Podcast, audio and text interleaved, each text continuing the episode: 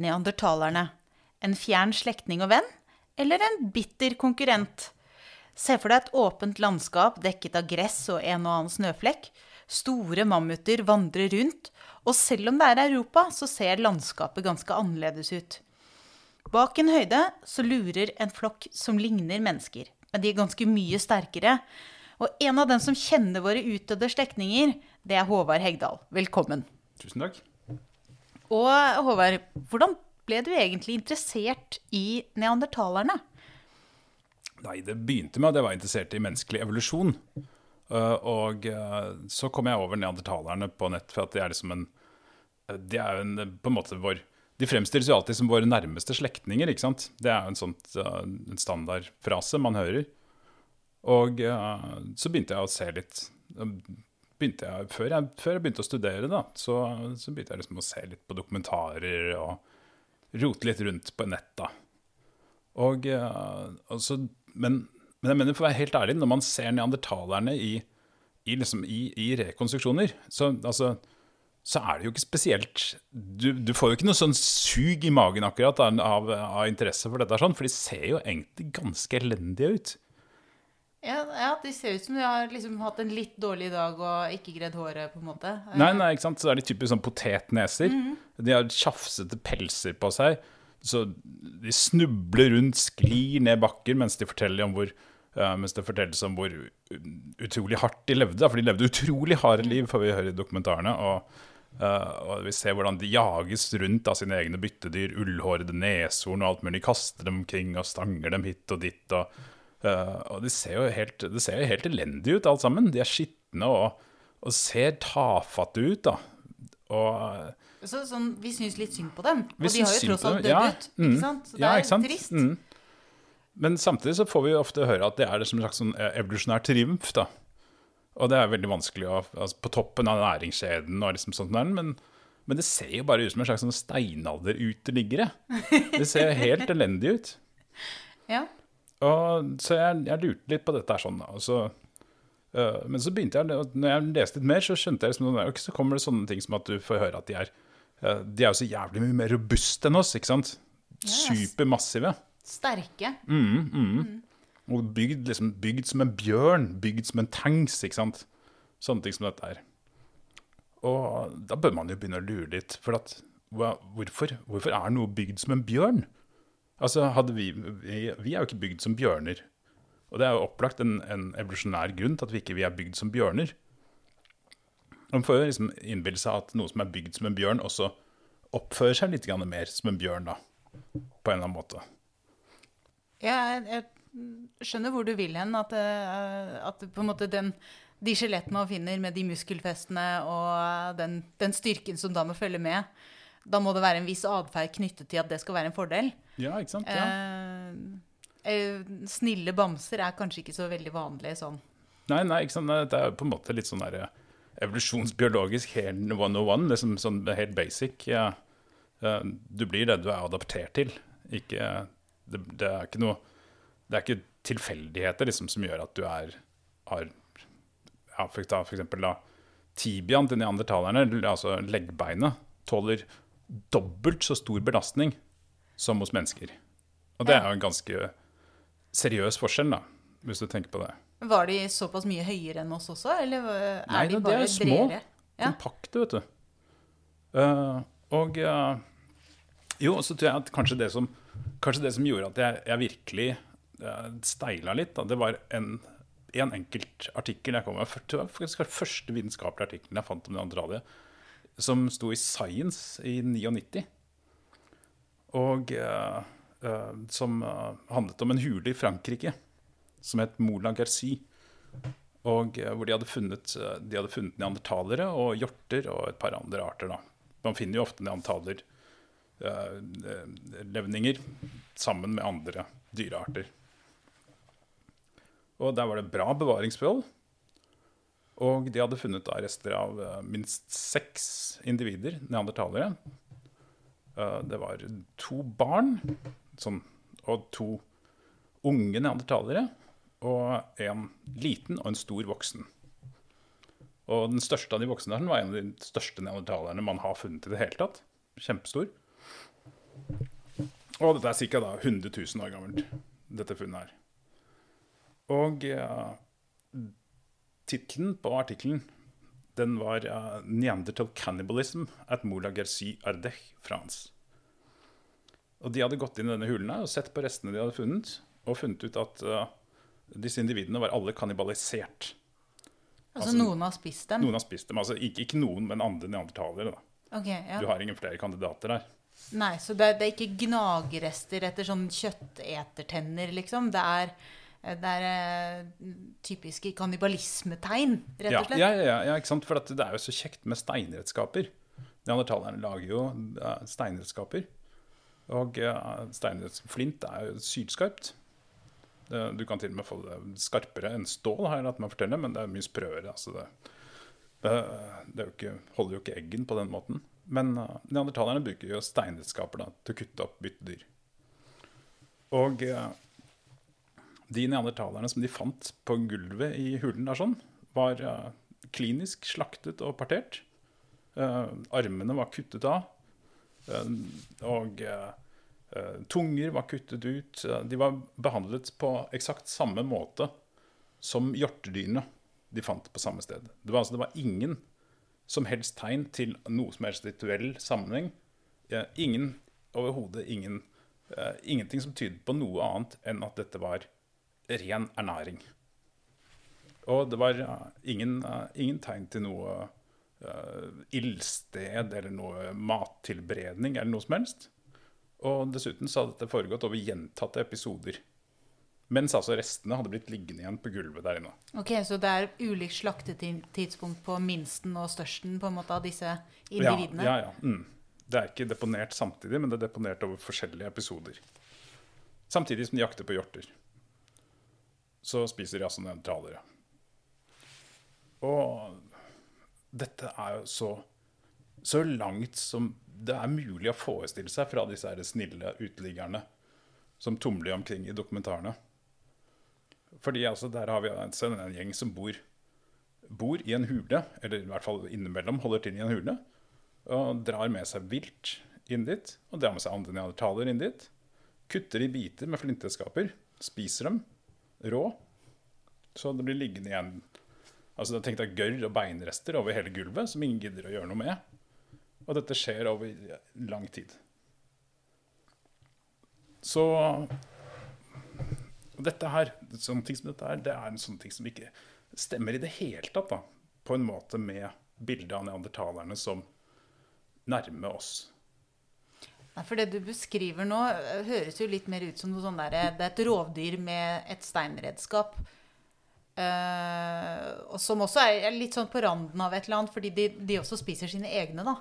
Det er jo Det er ganske brutalt i, i dyreverden også, hvis man begynner å spise sine egne. Ja, ikke sant? Kannibalisme er jo vanlig hos store rovdyr.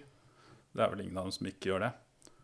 Uh, men samtidig så syns jeg også da at plutselig at det funnet der Da Der var det jo ikke noe sånn der nøling og fomling og, uh, og forsøk på ritualer eller uh, slags protoreligiøse ideer eller begravelse eller noe til. Ingenting var det der sånn. Det var rett og slett bare et rovdyr.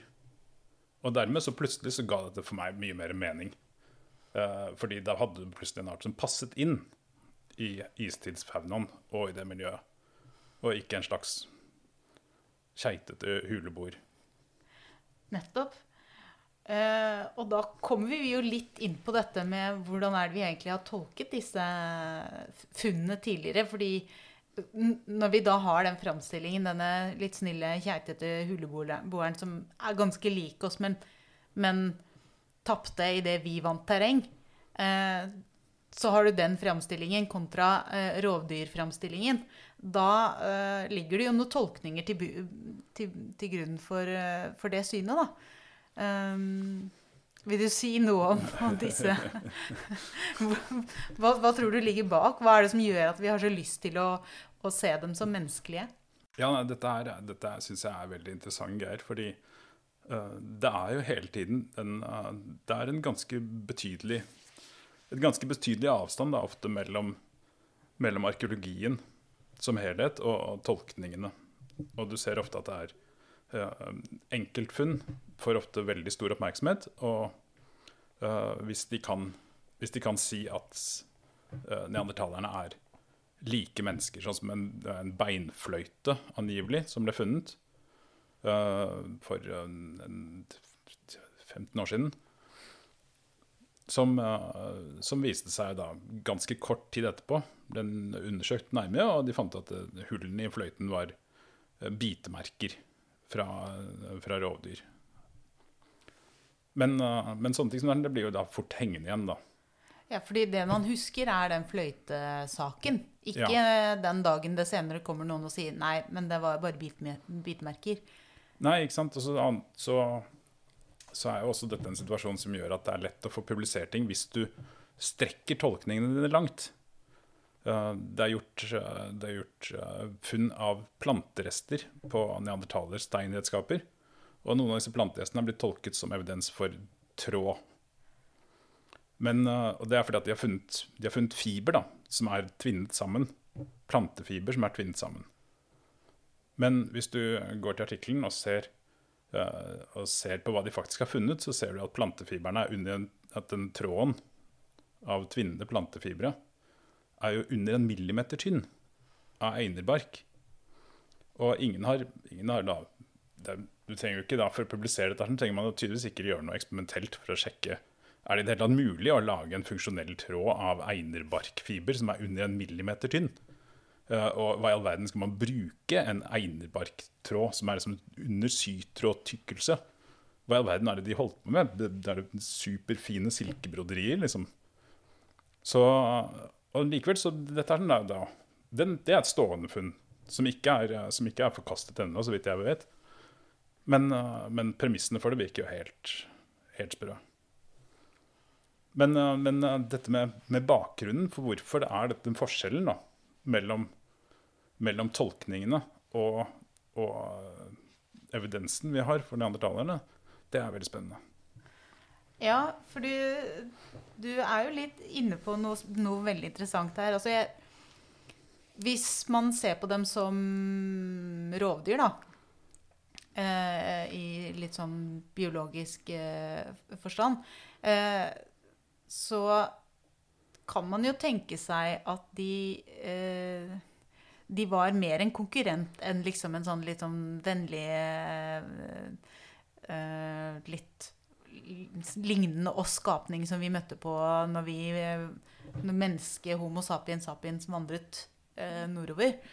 Um, og da gir det jo kanskje litt mening å tenke at, de, at vi var med på å utrydde dem også, da. At vi så dem som sånn som vi så på ulv og eh, altså Nå tenker jeg på disse den litt sånn istidsvarianten av ulven, som er enda litt større og farligere enn den, den vi har nå. og den er jo utryddet, og sabeltanntigre og sånne ting. Altså, vi har jo utryddet de som var våre store konkurrenter. Mm. Um, I tillegg til de største byttedyrene, da. Uh, ja. mm. og, da, da, da, gir jo det bildet mer mening. Ja. Mens andre, en annen tolkning er jo det at de de har på en måte blitt mer sånn integrert i, i menneskearten, med at det er noen gener der.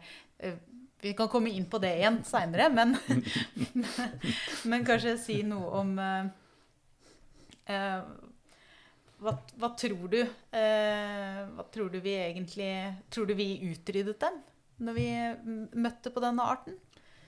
Ja, altså sånn, sånn helhetsbilde syns jeg er ganske klart. fordi at når Homo sapiens sprer seg jo eksplosivt ut av Afrika for 40 000-50 000 år siden. Og når vi kommer inn i Europa, så, så skjer det jo en masseutryddelse av større andre pattedyr.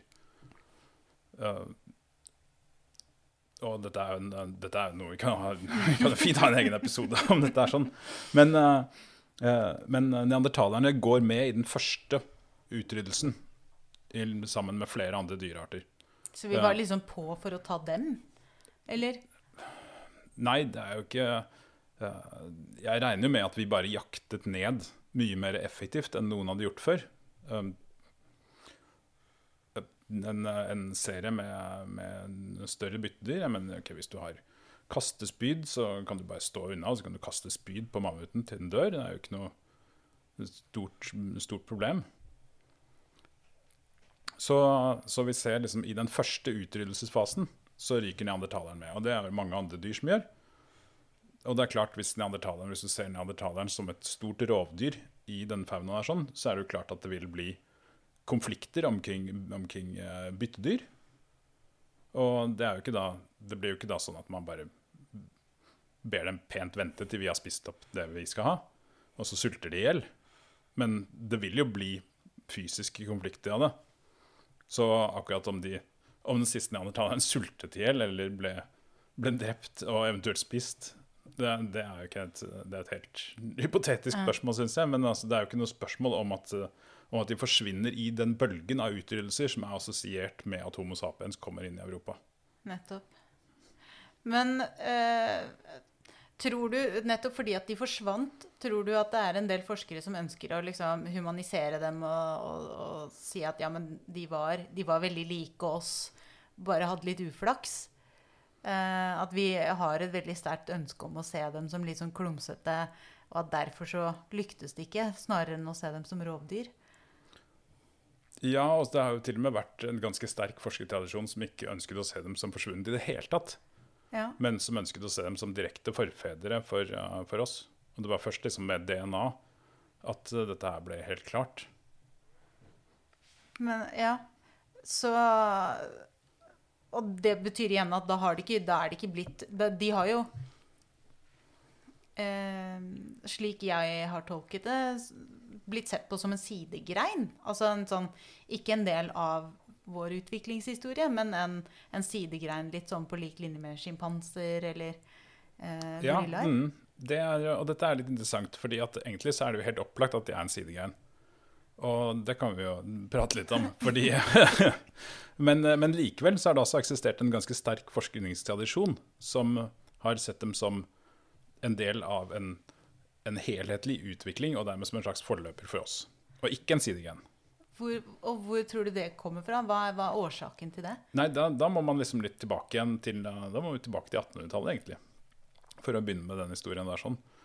Fordi ja, ja, de første neandertalerfunnene de skjedde på første halvdel av 1800-tallet, men de ble jo ikke gjenkjent som neandertalere på den tiden. Der, sånn. de ble, uh, dette er før, uh, før, Darwin publiserte 'Original Species'. Og uh, selv om noen hadde formeninger om evolusjon, eller altså en utvikling av arter før Darwin også, så var det dette ble sett som, som fringe science på, på, den tiden. der sånn, og, ja, og, det som ble funnet, de to funnene av neandertalere på første alder av 1800-tallet, ble bare sett på som, som menneskeskaller.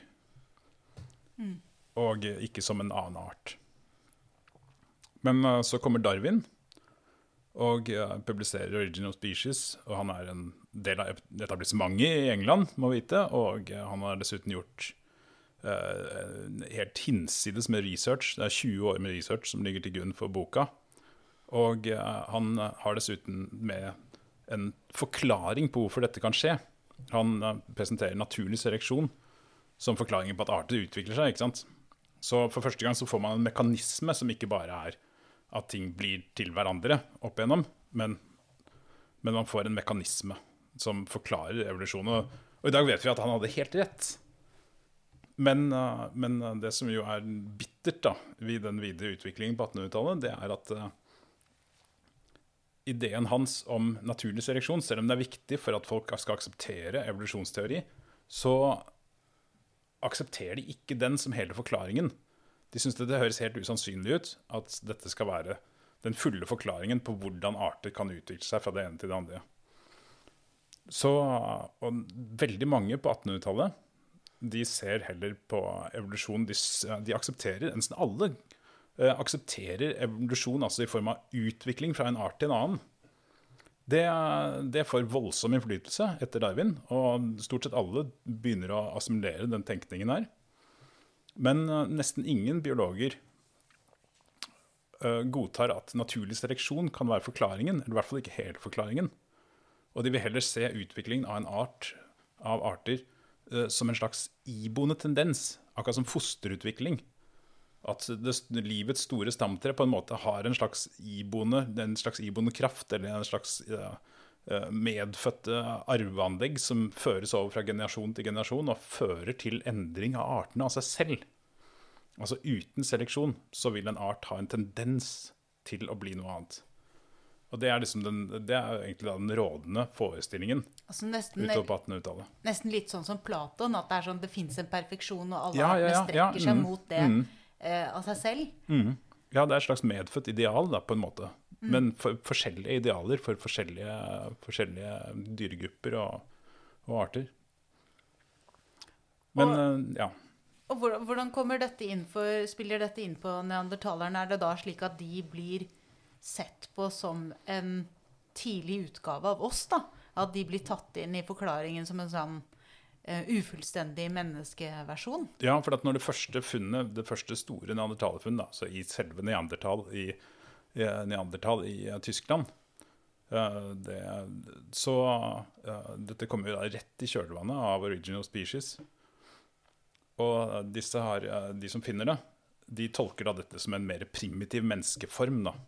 For de gjenkjenner at dette her er, beina her er de er bøyd og altfor massive for mennesker. Og de har dessuten hele skallekalotten, altså øverste halvdel av, av hodeskallen, og den ser ikke menneskelig ut.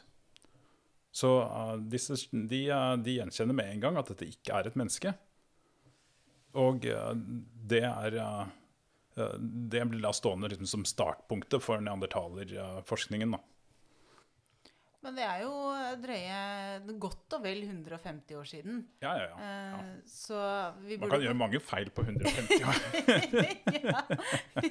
Jo, men jeg tenker sånn eh, Har vi ikke det Jeg opplever i hvert fall de gangene jeg har lest om neandertalere, så har jeg på en måte ja, ofte opplevd at de, de blir fortsatt menneskeliggjort, da. Ja, ja. Mm. Er det en del av den tradisjonen?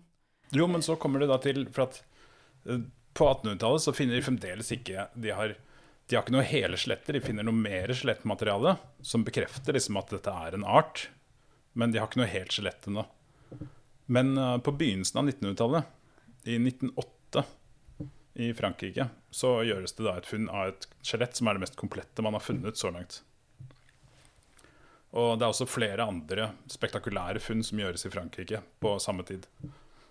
Så akkurat liksom i årene før første verdenskrig så får man for første gang helt oversikt over neandertalerskjelettet, og man får sett hele ansiktsskjelettet, f.eks.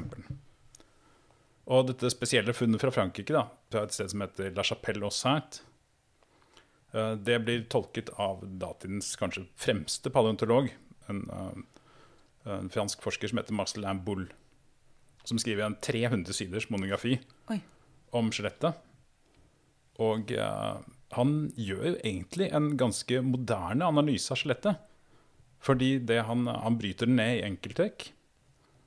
Og han sier at uh, han ser noen trekk som er mer primitive enn hos mennesker, som ligner mer på det han finner hos sjimpanseskjeletter. Og han ser noen trekk som man ikke finner hos mennesker i det hele tatt. Som hva da? Uh, tannmorfologi, f.eks., og en del andre ting. Så, eh, så Bull han trekker egentlig en, en helt moderne fylogenetisk konklusjon. Da. Han sier at okay, vi har deriverte trekk, og vi har eh, primitive trekk. Eh, dette er, betyr altså at neandertalerne har skilt lag fra oss på et tidlig tidspunkt. Så han identifiserer neandertalerne korrekt som en utdødd sidegren, og ikke våre direkte forfedre. Eh, i, altså 19, ja, han skriver monografien, fram, publiserer fram til 1913 i, forskjellige deler. Og eh, Samtidig så ser han også på helheten i skjelettet. Og han ser at det er, eh, det er mange trekk der sånn som han ser at har lite å si hver for seg. F.eks. sånn som eh, vinkelen på ryggvirvlene og vinkelen på der, hvor, der hvor lårbeinet møter, møter leggbeinet. Men han ser at alle disse trekkene er sånn, de peker liksom i samme retning, nemlig at neandertaleren er uh, krumbøyd. Har bøyd rygg og altså da bøyde knær i normal stående stilling. Og det skriver han, da. Og han sier også klart at dette er ikke noe hver, hver for seg så er ikke disse trekkene så viktig, men det er, det er helheten han fokuserer på her. Så, så uh, rekonstruksjonen hans og det han tenker om dette, dette er jo da, det bærer jo da preg av at det er jo ikke noe, jo ikke noe Han prater jo veldig lite om adopsjon i, uh, på den tiden her. Dette er altså da fremdeles, i 1908, så er det omtrent ingen som prater om Som kjøper seleksjon som en god forklaring på, på evolusjon. Så han ser på en måte da bare dette som en mindre utviklet Et mindre utviklet stadium av mennesker. De har, bare, de har ikke nådd så langt, da, ikke sant? Mm. Derfor er de forarbeidet. De, liksom, de, er bare sånn tre kvart opp fra apene. De har ikke klart å reise seg helt. Ikke sant? For hvis vi, hvis vi, ser på en sånn typisk illustrasjon av menneskets utvikling, så er det jo alltid fra ape, og så er det liksom en sånn krumbøyd variant ganske langt opp i det før du har en oppreist eh, Homo sapiens på slutten. Eh, og så er det noen som da har tegnet inn en krumbøyd en foran et tastatur etterpå, men Jo, men ikke sant, hvis du tenker som biolog, da, uh, så vil du jo tenke at ok, greit uh, posituren din og lengden på lemmene og sånne ting som det er sånn, dette er jo, i hvert fall for et rovdyr, så er dette noe som er under knallhard seleksjon. Uh, du kan jo ikke ha en ineffektiv positur som rovdyr. Det går jo ikke an i det hele tatt. Det vil bli selektert vekk én en eneste gang. Av alle ting som skulle være hardt selektert på et rovdyr, så må det jo være ren og skjær framdrift. Men det tenkte jo ikke på den tiden der sånn. For den var ikke de tenkte ikke innenfor de rammene der. sånn. Paleontologien på den tiden der, de opererte da med et uh, På begynnelsen av 1900-tallet så begynte man å lansere et nytt begrep innenfor paleontologi. Som var liksom på en måte da uh, Dette er jo veldig sånn, er veldig sånn fagnerdete, da. Men, men, det er interessant, fordi det avslører en del om tenkningen der. Og uh, de, hadde et, de hadde en mekanisme som ble kalt for ortogenese, altså rett utvikling. Og den, eh, den, spant videre på tidligere forestillinger med at hver enkelt dyregruppe hadde en iboende trend da, som bare på en måte rullet seg ut etter, hvert som, etter, hvert som, generasjonene gikk videre. Så gitt nok tid, så vil de bare av seg selv bli perfekte? Nei, nei, nei, nei, nei det er det som er gøy med ortogenesen, skjønner du. Fordi uh, paleontologene de så jo at det var en del dyr som hadde dødd ut. Sånn som kjempe, kjempehjort, for eksempel. Ikke sant? Med uh, Jeg husker ikke hvor stort gevir de har. Er det tre-fire meter? Noe sånt, eller sånt, gigantiske gevirer. Uh, de så sabeltanntigre hadde dødd ut. Ok, uh, Og de så, så de tenkte seg ok, at i, i, i, primater så har man en iboende trend, da, i en ortogenetisk trend, til at hjernen blir større. Blunk, blunk, blunk, blunk. blunk. Mm. Det er forklaringen på oss i dag. Mens hos kjempehjorten så hadde du da dessverre for den en iboende trend at geviret bare ble større og større. Og større, og til slutt så kunne du ikke bevege deg lenger og døde ut. Og Samme med sabeltanntigre fikk da lengre og lengre tenner, og til slutt så var det helt ineffektivt. Og de døde ut. Uh, så ok, det, Dette var liksom da paleontologenes foretrukne modell. I hvert fall mange paleontologer på den tiden der så, liksom denne, så utviklingen av arter på den måten. Og da uh, må vi jo konkludere med at uh, neandertalerne også hadde liksom blitt så krumbøyde eller et eller annet at de ja. Eller at hjernen hadde vokst så mye at de hadde blitt i oss? Altså en eller annen variant av de to? eller? Ja, men jeg er ikke helt sikker på hvordan de forklarte den, den, den rådende forklaringen på hvorfor de døde ut. Men, men, det var i hvert fall helt klart det som skjedde i, i årene etter publikasjonen til Bull. da. Det var jo at For dette er jo da akkurat i den tiden hvor vi går mot, mot andre verdenskrig. Og i forskningen så skjer det jo store ting på den tiden her. Eller ja, det skjer mye ting, i hvert fall. Kanskje ikke alt, alt like stort. Nei, og så er det noen politiske trender rundt, uh, rundt tiden rundt andre verdenskrig også, som kanskje jeg vet ikke, forsterker den uh, tankegangen om menneskets uh, perfeksjon eller, eller utvikling, da. Mm. Um, og det er vel kanskje ikke helt heldig for, de, for tolkningen av, av, de dataene heller, sånn hvis man skal på en måte se vitenskapen litt sånn Prøve å tenke at de, de var jo ikke isolert fra den politiske eh, bildet eller tenkningen heller. Nei, ikke sant. Og det som, det som jo skjedde utover på 20-tallet altså det, Dette er på en måte den tiden hvor folk virkelig er rasister. Uh, og hvor de ja, og, okay, når, jeg, når jeg leser forskning fra den tiden, så ser jeg at okay, det, er, det er fremdeles ingen som prater om Darwin, men de har fått med seg da Mendel har blitt gjenoppdaget igjen, og man har skjønt at man, man skjønner mye mer om, om arv, og, og, eh, og, at eh, det går an å eh, at det går an å på en måte da, Du skjønner mye mer av arvemekanismene, og dette ligger også da til grunn for noe av disse her veldig kjipe tendensene som begynner å komme fram med at man skal ha altså eugenikk og, og dysgenikk. ikke sant? At du kan, du kan avle fram bedre mennesker ved å få de bra menneskene til å pare seg med hverandre. Og samtidig også hindre da, de dårlige menneskene å få barn. Og dermed da sortere vekk gener. da. Og så er gen den genetiske forståelsen som kommer fram i løpet av, det, i løpet av de første tiårene på 20-tallet, på, på 1900-tallet, den ligger på en måte da, til grunn for noe av disse tankene. Og det er både det som er det vitenskapelige grunnlaget da, for, for, eugenikken og den utviklingen der, som skjer der. Og med det også da en veldig sånn en veldig veldig bevisstgjøring hos mange forskere på dette med at noen mennesker er dårlige, og andre mennesker er bra. Og neandertalerne blir jo da automatisk plassert inn i et hierarki av mennesker hvor de selvfølgelig da kommer som de aller aller dårligste menneskene som ikke engang har klart å komme seg helt rett opp fra, ja, fra sjimpansene. Mm. Det er jo eh, Jeg tenker eh, liksom litt jeg, jeg, skjønner det fra Hvis man skal tenke fra datidens ståsted, eh, så, så, så, forstår jeg hvordan de kunne tenke sånn, men samtidig så blir det sånn i en moderne verden så sitter jeg bare og stritter imot, da. ja, men det er noe man bør være litt obs på. Da, for det er, sånn, det, er ingen biologer som ikke er for eugenikk på, på 20-tallet. På begynnelsen av første alder av 20-tallet. Det, liksom, det, er helt selvfølgelig, liksom.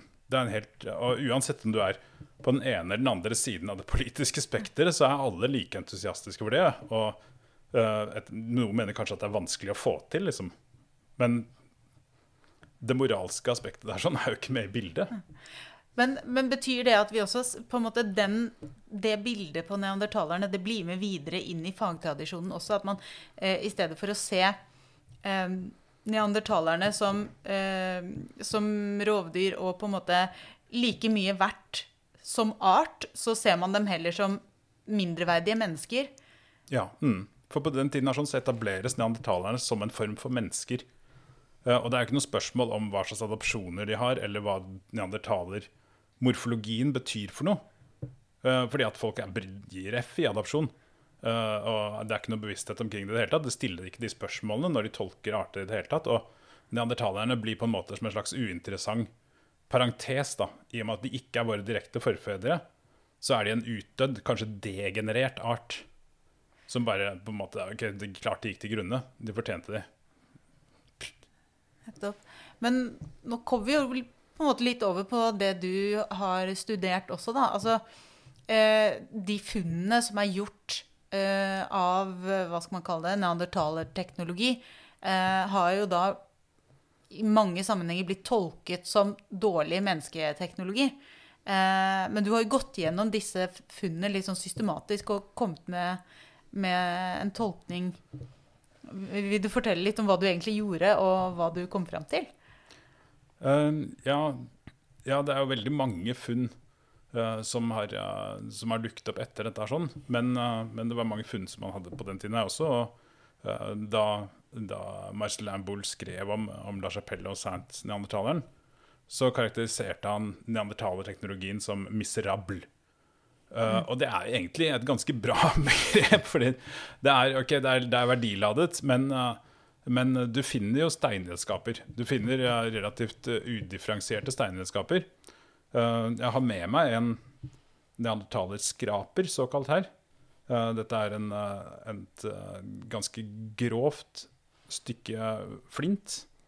halvparten av det er, er, ikke flint i det hele tatt, men en slags chert, sånn grovere stein.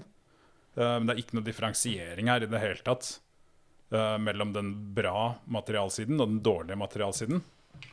Passer ganske fint i hånda. Eh, alle eggene her er godt brukt, og man kan tydelig se hvilken retning det er slått av biter fra flintstykket for å forme det sånn som det er. og det man ser med neandertaler, uh, med neandertalersteinredskaper, steinredskaper, det er at okay, du har, du har håndøkser, som er et, er et redskap som er interessant nok ikke finnes hos moderne mennesker i det hele tatt. Altså Det er en rund stein med en spiss ende som dukker opp for ca. to millioner år siden. De fins fremdeles hos neandertalere. Litt, litt annerledes. Litt ikke så grove som det har vært tidligere. Og de får en ny måte å slå flint på, så mye at de kan utnytte flint, flintmaterialet mye bedre. Men disse Og deretter så og så ser man også at flintstykker retusjeres, altså skjerpes opp enormt intensivt.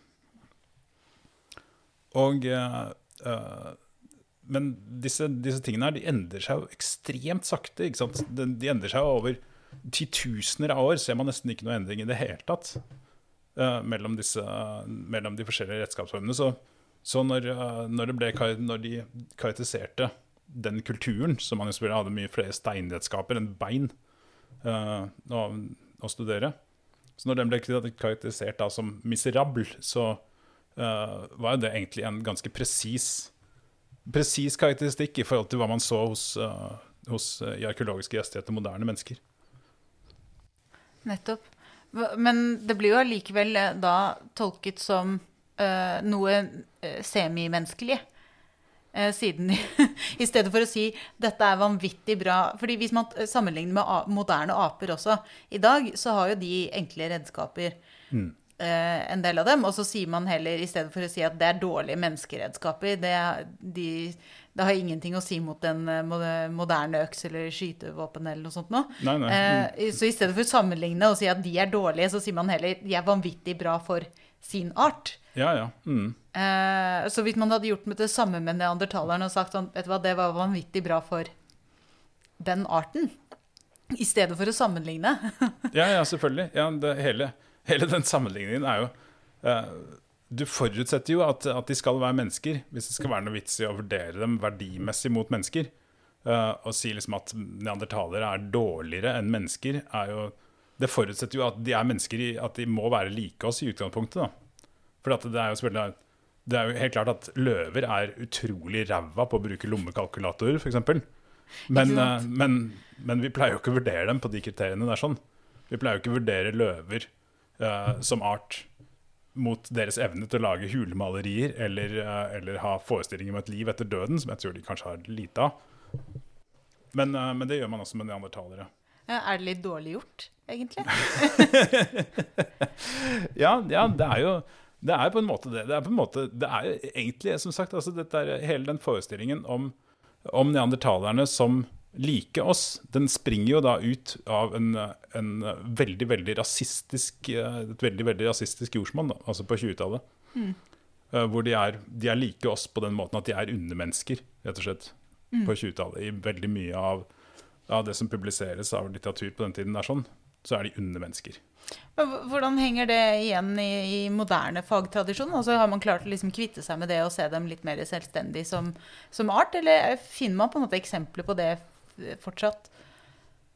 Det, det, som er, det, som er, veldig gøy, da, det er det som For at i dag ser vi jo Vi, vi tenker jo ikke på dem som undermennesker i dag. Det er alle som driver med neandertalere i dag, de, det første de sier, er jo at de var jo ikke noe dårligere enn oss på noen som helst måte. Og den Så vi har på en måte gjennomgått et slags sånt verdi, verdipolarisering, polaritetsskifte, da, siden den gangen. Og dette er sånn kjente ganske brått. Og det skjedde på, på midten av 50-tallet. Altså etter andre verdenskrig.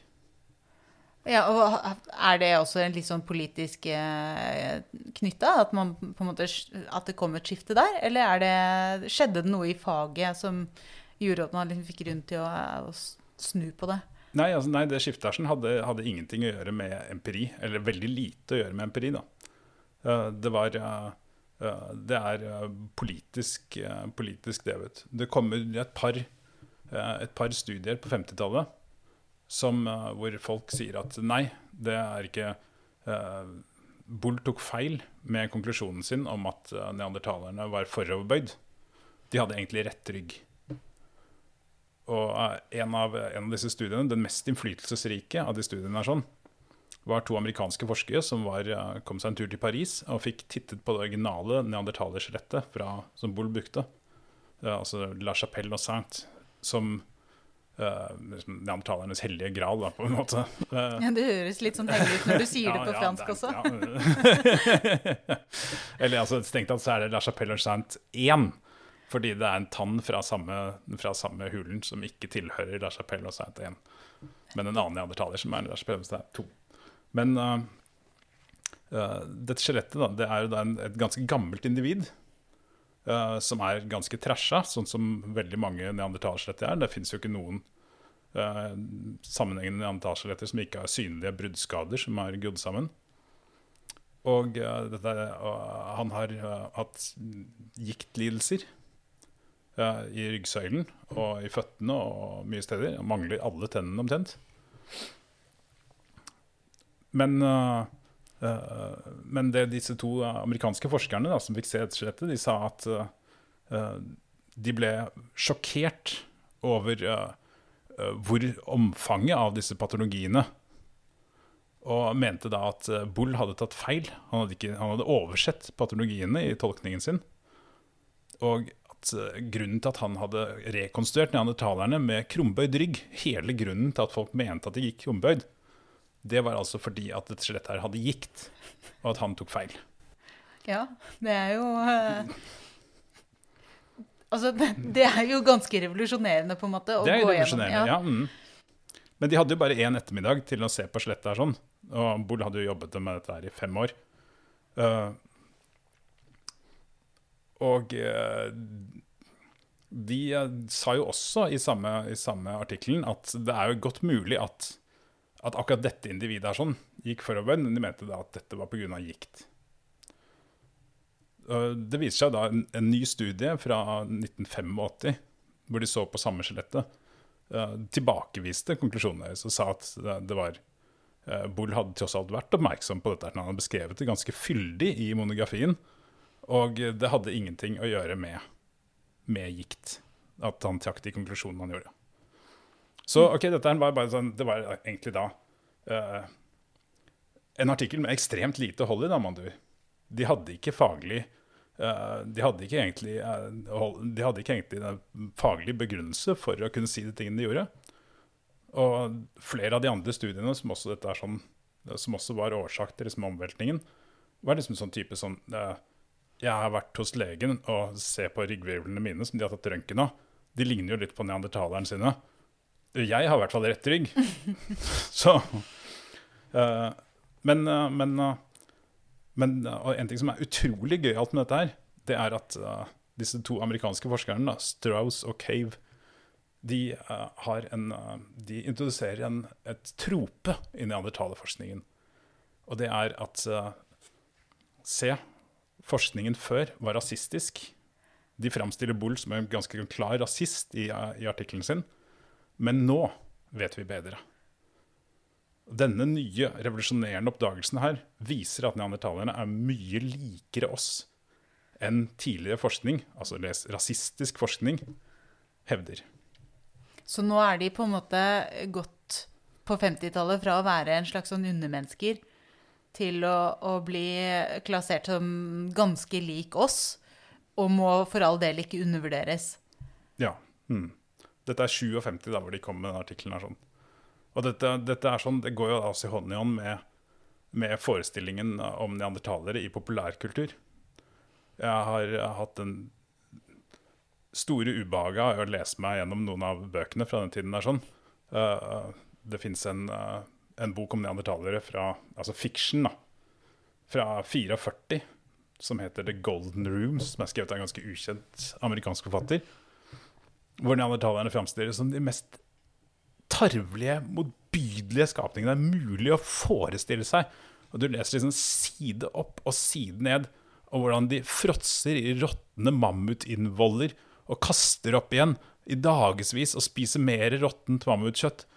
Og du blir så syk av å lese dem. Og er så mistrøstig. Og de er så kjipe og dumme og bare tvers gjennom onde at du nesten blir glad når de bare endelig blir utryddet da, på slutten av boken av Homo sapienser, som heller ikke er noe hyggelige. det er helt jævlig. For en forferdelig bok. ja. Men nesten eksakt samme plottet da, brukes da av William Golding når han skriver den andre boka si, som heter The Inheritors, i 1955. Og, men der er neandertalerne bare, bare rene hippier. Fullstendig ubrukelige fremdeles. De er ute av stand til å nesten skaffe seg mat ute i naturen. De spiser bare skudd og sopp og, og får kjempedårlig samvittighet hvis de spiser kjøtt. Og, altså Helt fullstendig bortkasta der også. Men, men altså nå bare nå er de altså da naturbarn, og de er så svakt telepatiske da, på en måte, og har en slags sånn evne til å bringe bilder inn i hjernen på hverandre. Og, og de skjønner jo ingenting av disse slemme homo sapiensene som kommer inn og utvider dem. Sånn, skikkelig sånn peace and love and Ja, harmony. Og dette er liksom elleve år mellom de to bøkene der. og neandertalerne har gått fra bare de mest bortkasta undermenneskene du kan forestille deg, til de mest bortkasta hippiene du kan forestille deg da, i ja, forestillingsverdenen. Så der er vi liksom da. Og nå er vi da i gang med den moderne neandertalerforskningen. da. Og på hvilken måte skiller den seg fra disse foregående bildene? Det er jo noen sånne ganske ekstreme holdninger til, til eh, hvordan man tolker neandertalere. Og nå sitter jeg litt og føler at jeg vet ikke egentlig helt hva jeg skal tro. Nei, og du ser også det har kommet eh, Og det som har liksom da skjedd uh, gjentatte ganger, igjen og igjen og igjen og igjen, opp siden 50-tallet og fram til i dag, det er at folk kommer med nye, sensasjonelle funn som viser at neandertalerne er mye likere enn oss. Og så går det 10 år, 20 år, og så viser det seg at disse funnene holder ikke vann. Men hele tiden så fyller du på med nye funn som, eh, som ivaretar en slags sånn En slags bølge av, eh, av eh, menneske, menneskeevidens, da. Som hele, tiden, som hele tiden ligger der. Og det, det er liksom den moderne varianten av den uh, neandertalforskning. Men det, det virker som at det er en slags I den moderne varianten, da, at det er en slags sånn uvilje til å snakke om dem som dyr. At vi liksom vi vil veldig gjerne at de skal være mennesker. Ja, mm. og de, de spede forsøkene på adaptive forklaringer uh, på neandertalerne, det begrenser seg jo stort sett da til ting som er lansert også før 50-tallet. At, at de skal være kuldetilpasset.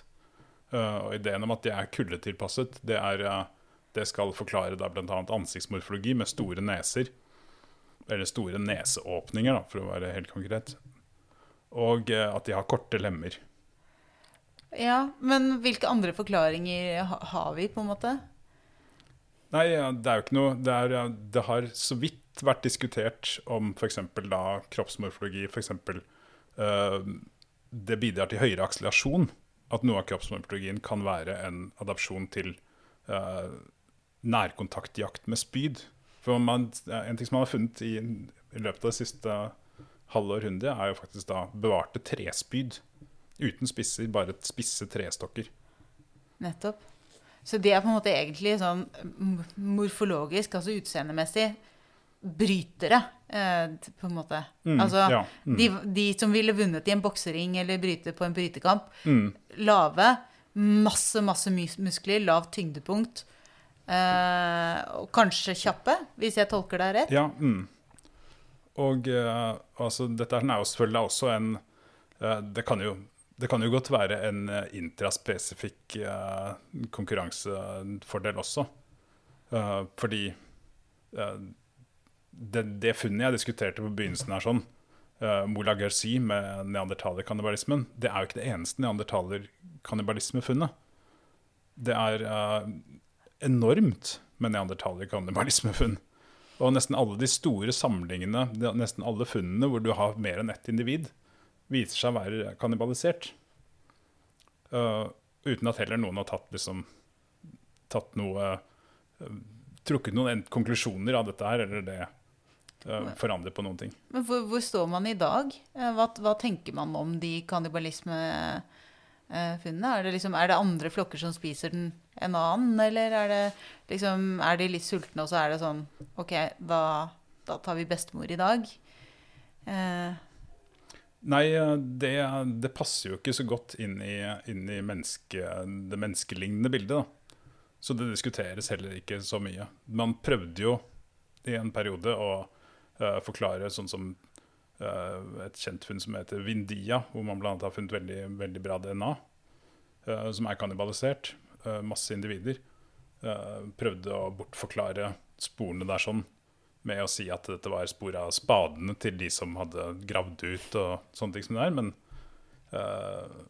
men én ting, blant annet den, den artikkelen i Science da, som jeg pratet om, den etablerte jo også da ganske gode standarder for hvordan man skal tolke kannibalisme. Og man kan se på f.eks. hvordan beina brekker. Det, ikke sant, Bein når det ligger i jorda lenge, så, uh, så blir det sprøere, og du vil få mer sånn kjeksaktige brudd. Mens det du kaller for green bone fractures, det er hvor du ser mer langsgående sprekkdannelser da, som tyder på at bein er ferskt når det skjer. Så det er, lett, egentlig, det er egentlig lett å kjenne forskjell mellom, ting, mellom skader som har skjedd mens beina er ferske, og, og, skader som har skjedd etter at det ble deponert. Mm. Hvis man er interessert i å, å påpeke det, selvfølgelig. Nettopp. Men jeg tror generelt ikke man er det. Nei, og så er vel Jeg kan se for meg at hvis man eh, er kannibal da, og skal ha mest mulig næringsverdi ut av de eh, beina, så er det jo om å gjøre å få tak i beinmargen. Ja, ja. Mm. Så det er vel det de da ser på, at du sprekker opp på langs for å få eh, ja, ja. Mm. For å få maks eh, energi ut av byttet. Men, men når, du, når, du, forteller om eh, disse kannibalepisodene, og, og, hvordan de må ha sett ut, da eh, Enkle spyd, men knallsterke eh, muskelbunter som ville vunnet i enhver eh, brytekamp. Um, så tenker jeg litt på et av de holdt jeg på å si, tingene som skrives mye om, eh, om neandertalere i dag, og det er jo genetikken. Og det at vi finner neandertalgener i en god del moderne mennesker i dag. Så på et eller annet tidspunkt så har det jo eh, så har jo noen falt for disse bryterne, da? Eller eh, hvordan forklarer vi at vi vi, vi, er, vi, bærer på noe av det samme genetisk? Ja, dette er jo en, en neandertalergenetikk. Det, det kommer jo egentlig som en åpenbaring da man endelig begynte å få den første, de første mitokondrie-DNA-undersøkelsen på, på neandertalere.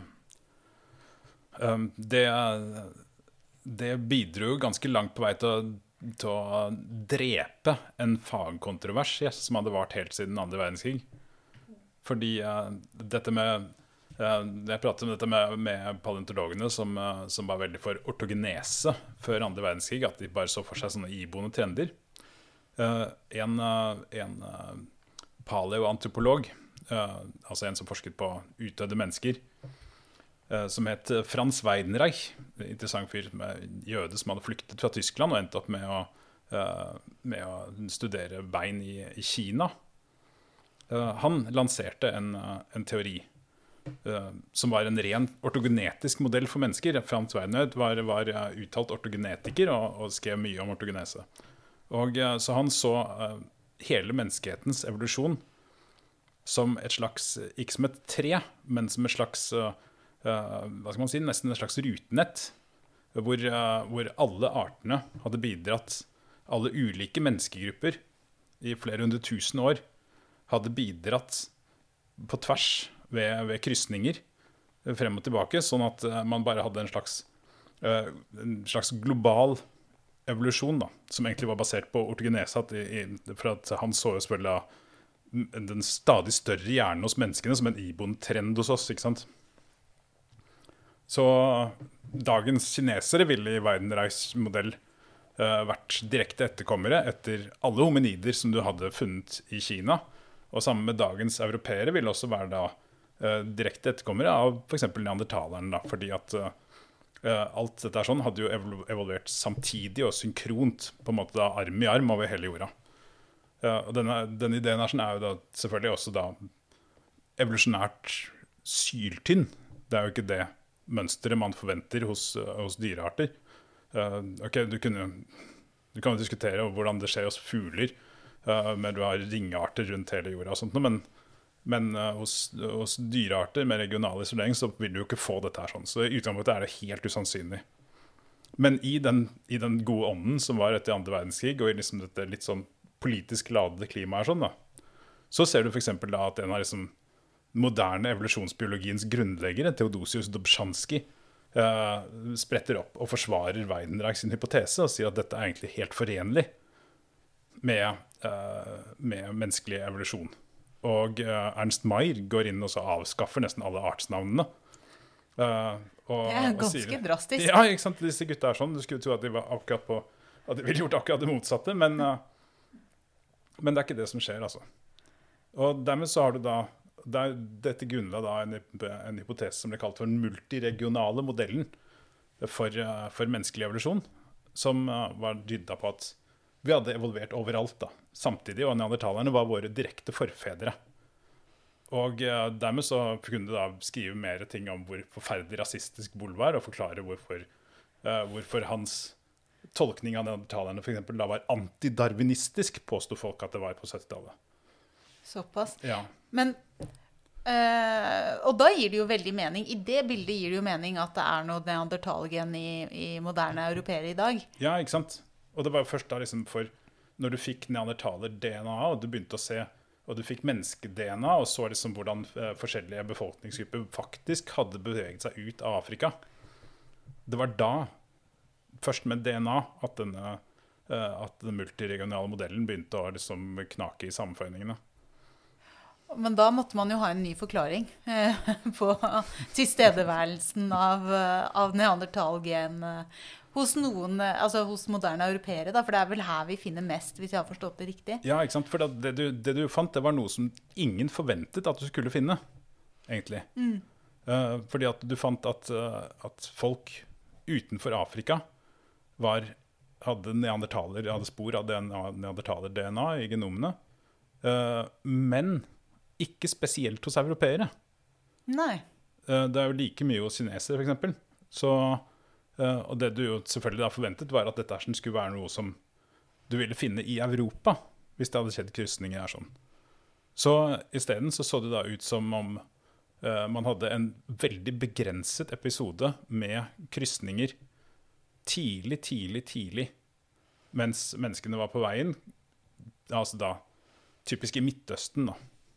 Ikke sant? Så da har de menneskene kommet ut fra Afrika, møtt på neandertalere rett utenfor som liksom det Rett første utenfor døra, liksom. Ja, Ja, mm. basically. Ja, mm. og, så, og da blir jo de genene med uh, i spredningen videre til resten av kontinentet. Ja, da mot Ja, Asia, mm. mot Europa uh, og alle andre steder.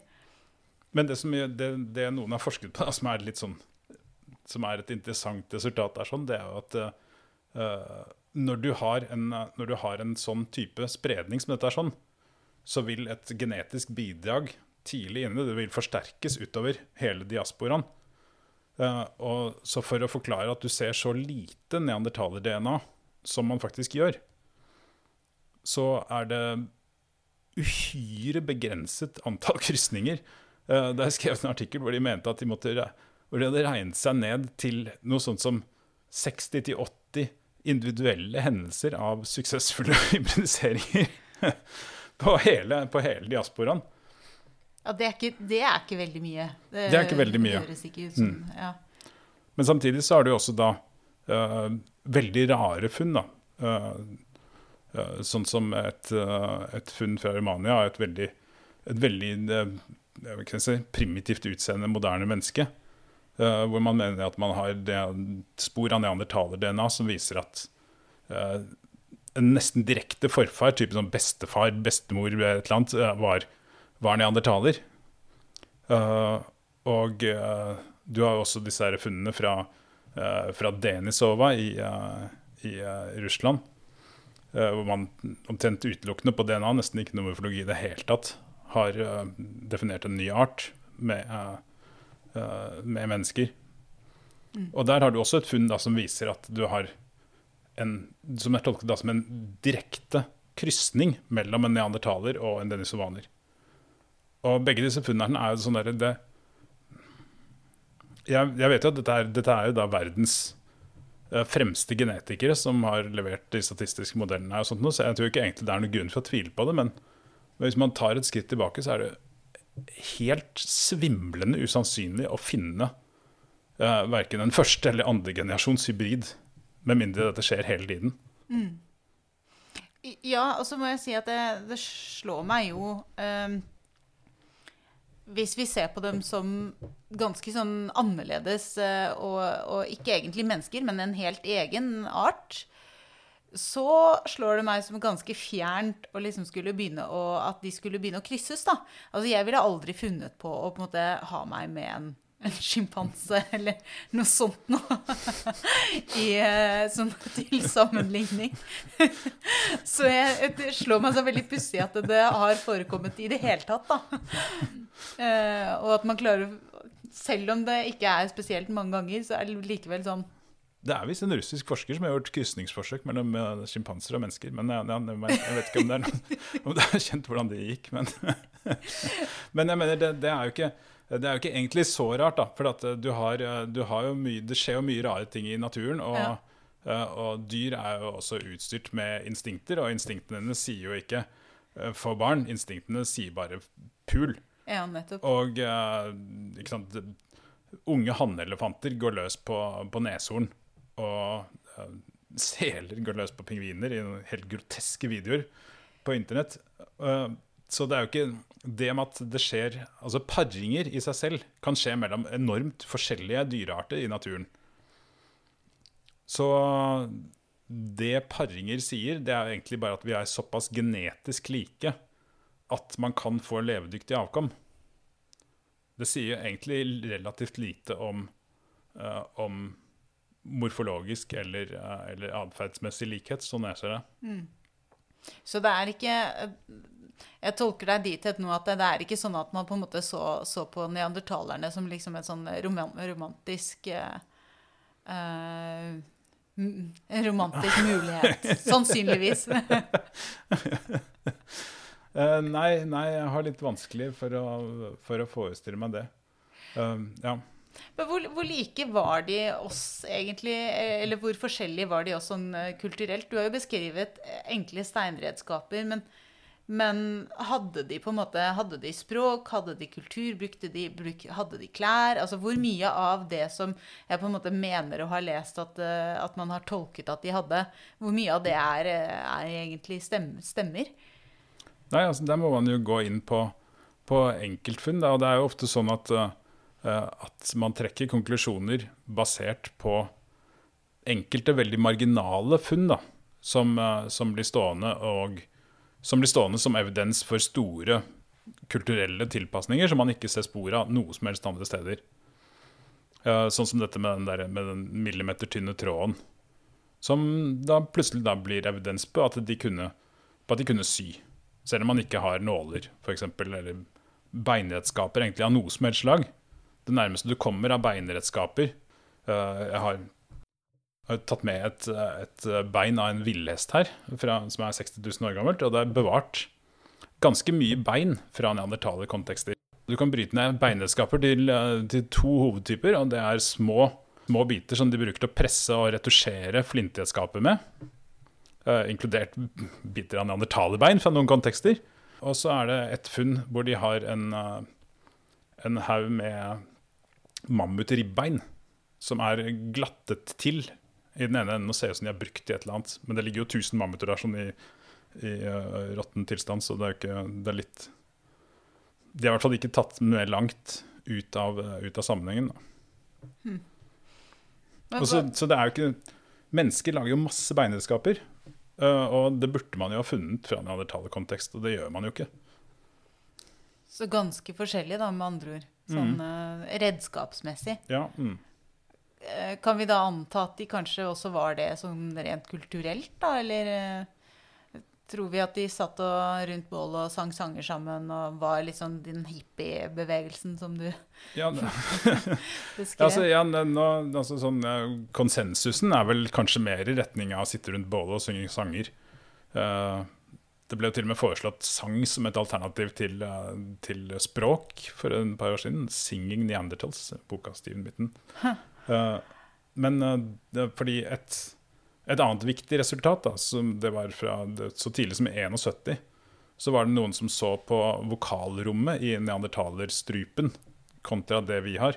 Altså Vi mennesker vi er, litt, vi er jo tilpasset å kunne snakke, ser det ut som. Vi kan f.eks. sette mat i halsen, sånn som ikke, ikke sjimpanser kan. Vi har liksom presset sammen lengden på vokalrommet vårt øh, og i forhold til høyden, som gjør at vi kan uttale et mye større antall lyder. da. Og dette er sånn med at vi av og til dør av å få ting i halsen, det, øh, det er jo da en tydelig Viser jo tydelig hvor, øh, hvor sterk seleksjon det er på dette her, da. Den dustete hodemorfologien vår, som en sånn fyrstikkmenneske med en sånn stor, rund skalle på toppen av hele greia. Og de neandertalerne var ikke tilpasset på samme måten. De har et uh, primitivt vokal lydrom i munnen og kan ikke forme like mange lyder som vi kan.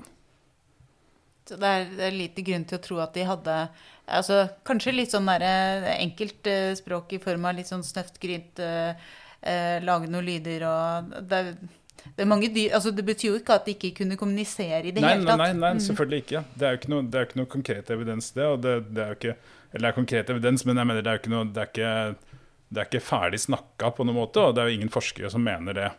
Som vil gå ut og si i dag at neandertalerne ikke hadde språk. Det er i hvert fall ikke flere enn du får plass til rundt det bordet her, tenker jeg. Mm. Men, uh, men, samtidig så, så, er det litt vanskelig å liksom, Hva er egentlig mellomstadiet mellom språk og ikke-språk? Uh, det er jo ikke Du finner jo bare mennesker i dag som har språk.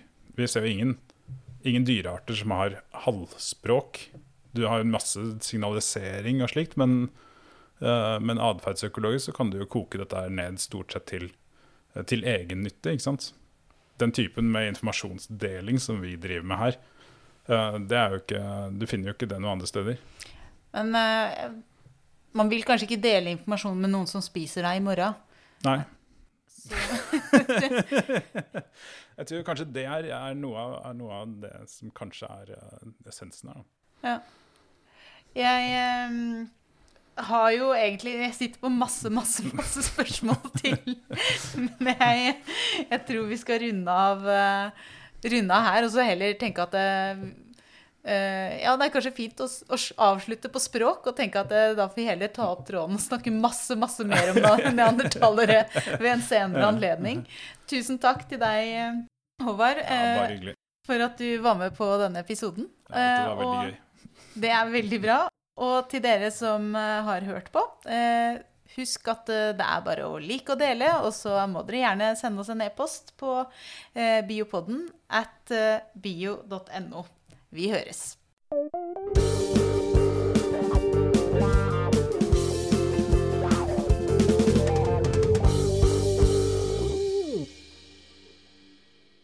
Du har nå hørt Biopodden intervju med Elina Melteig, og med på laget har jeg også Torborg Galtland, daglig leder i Norsk biologforening.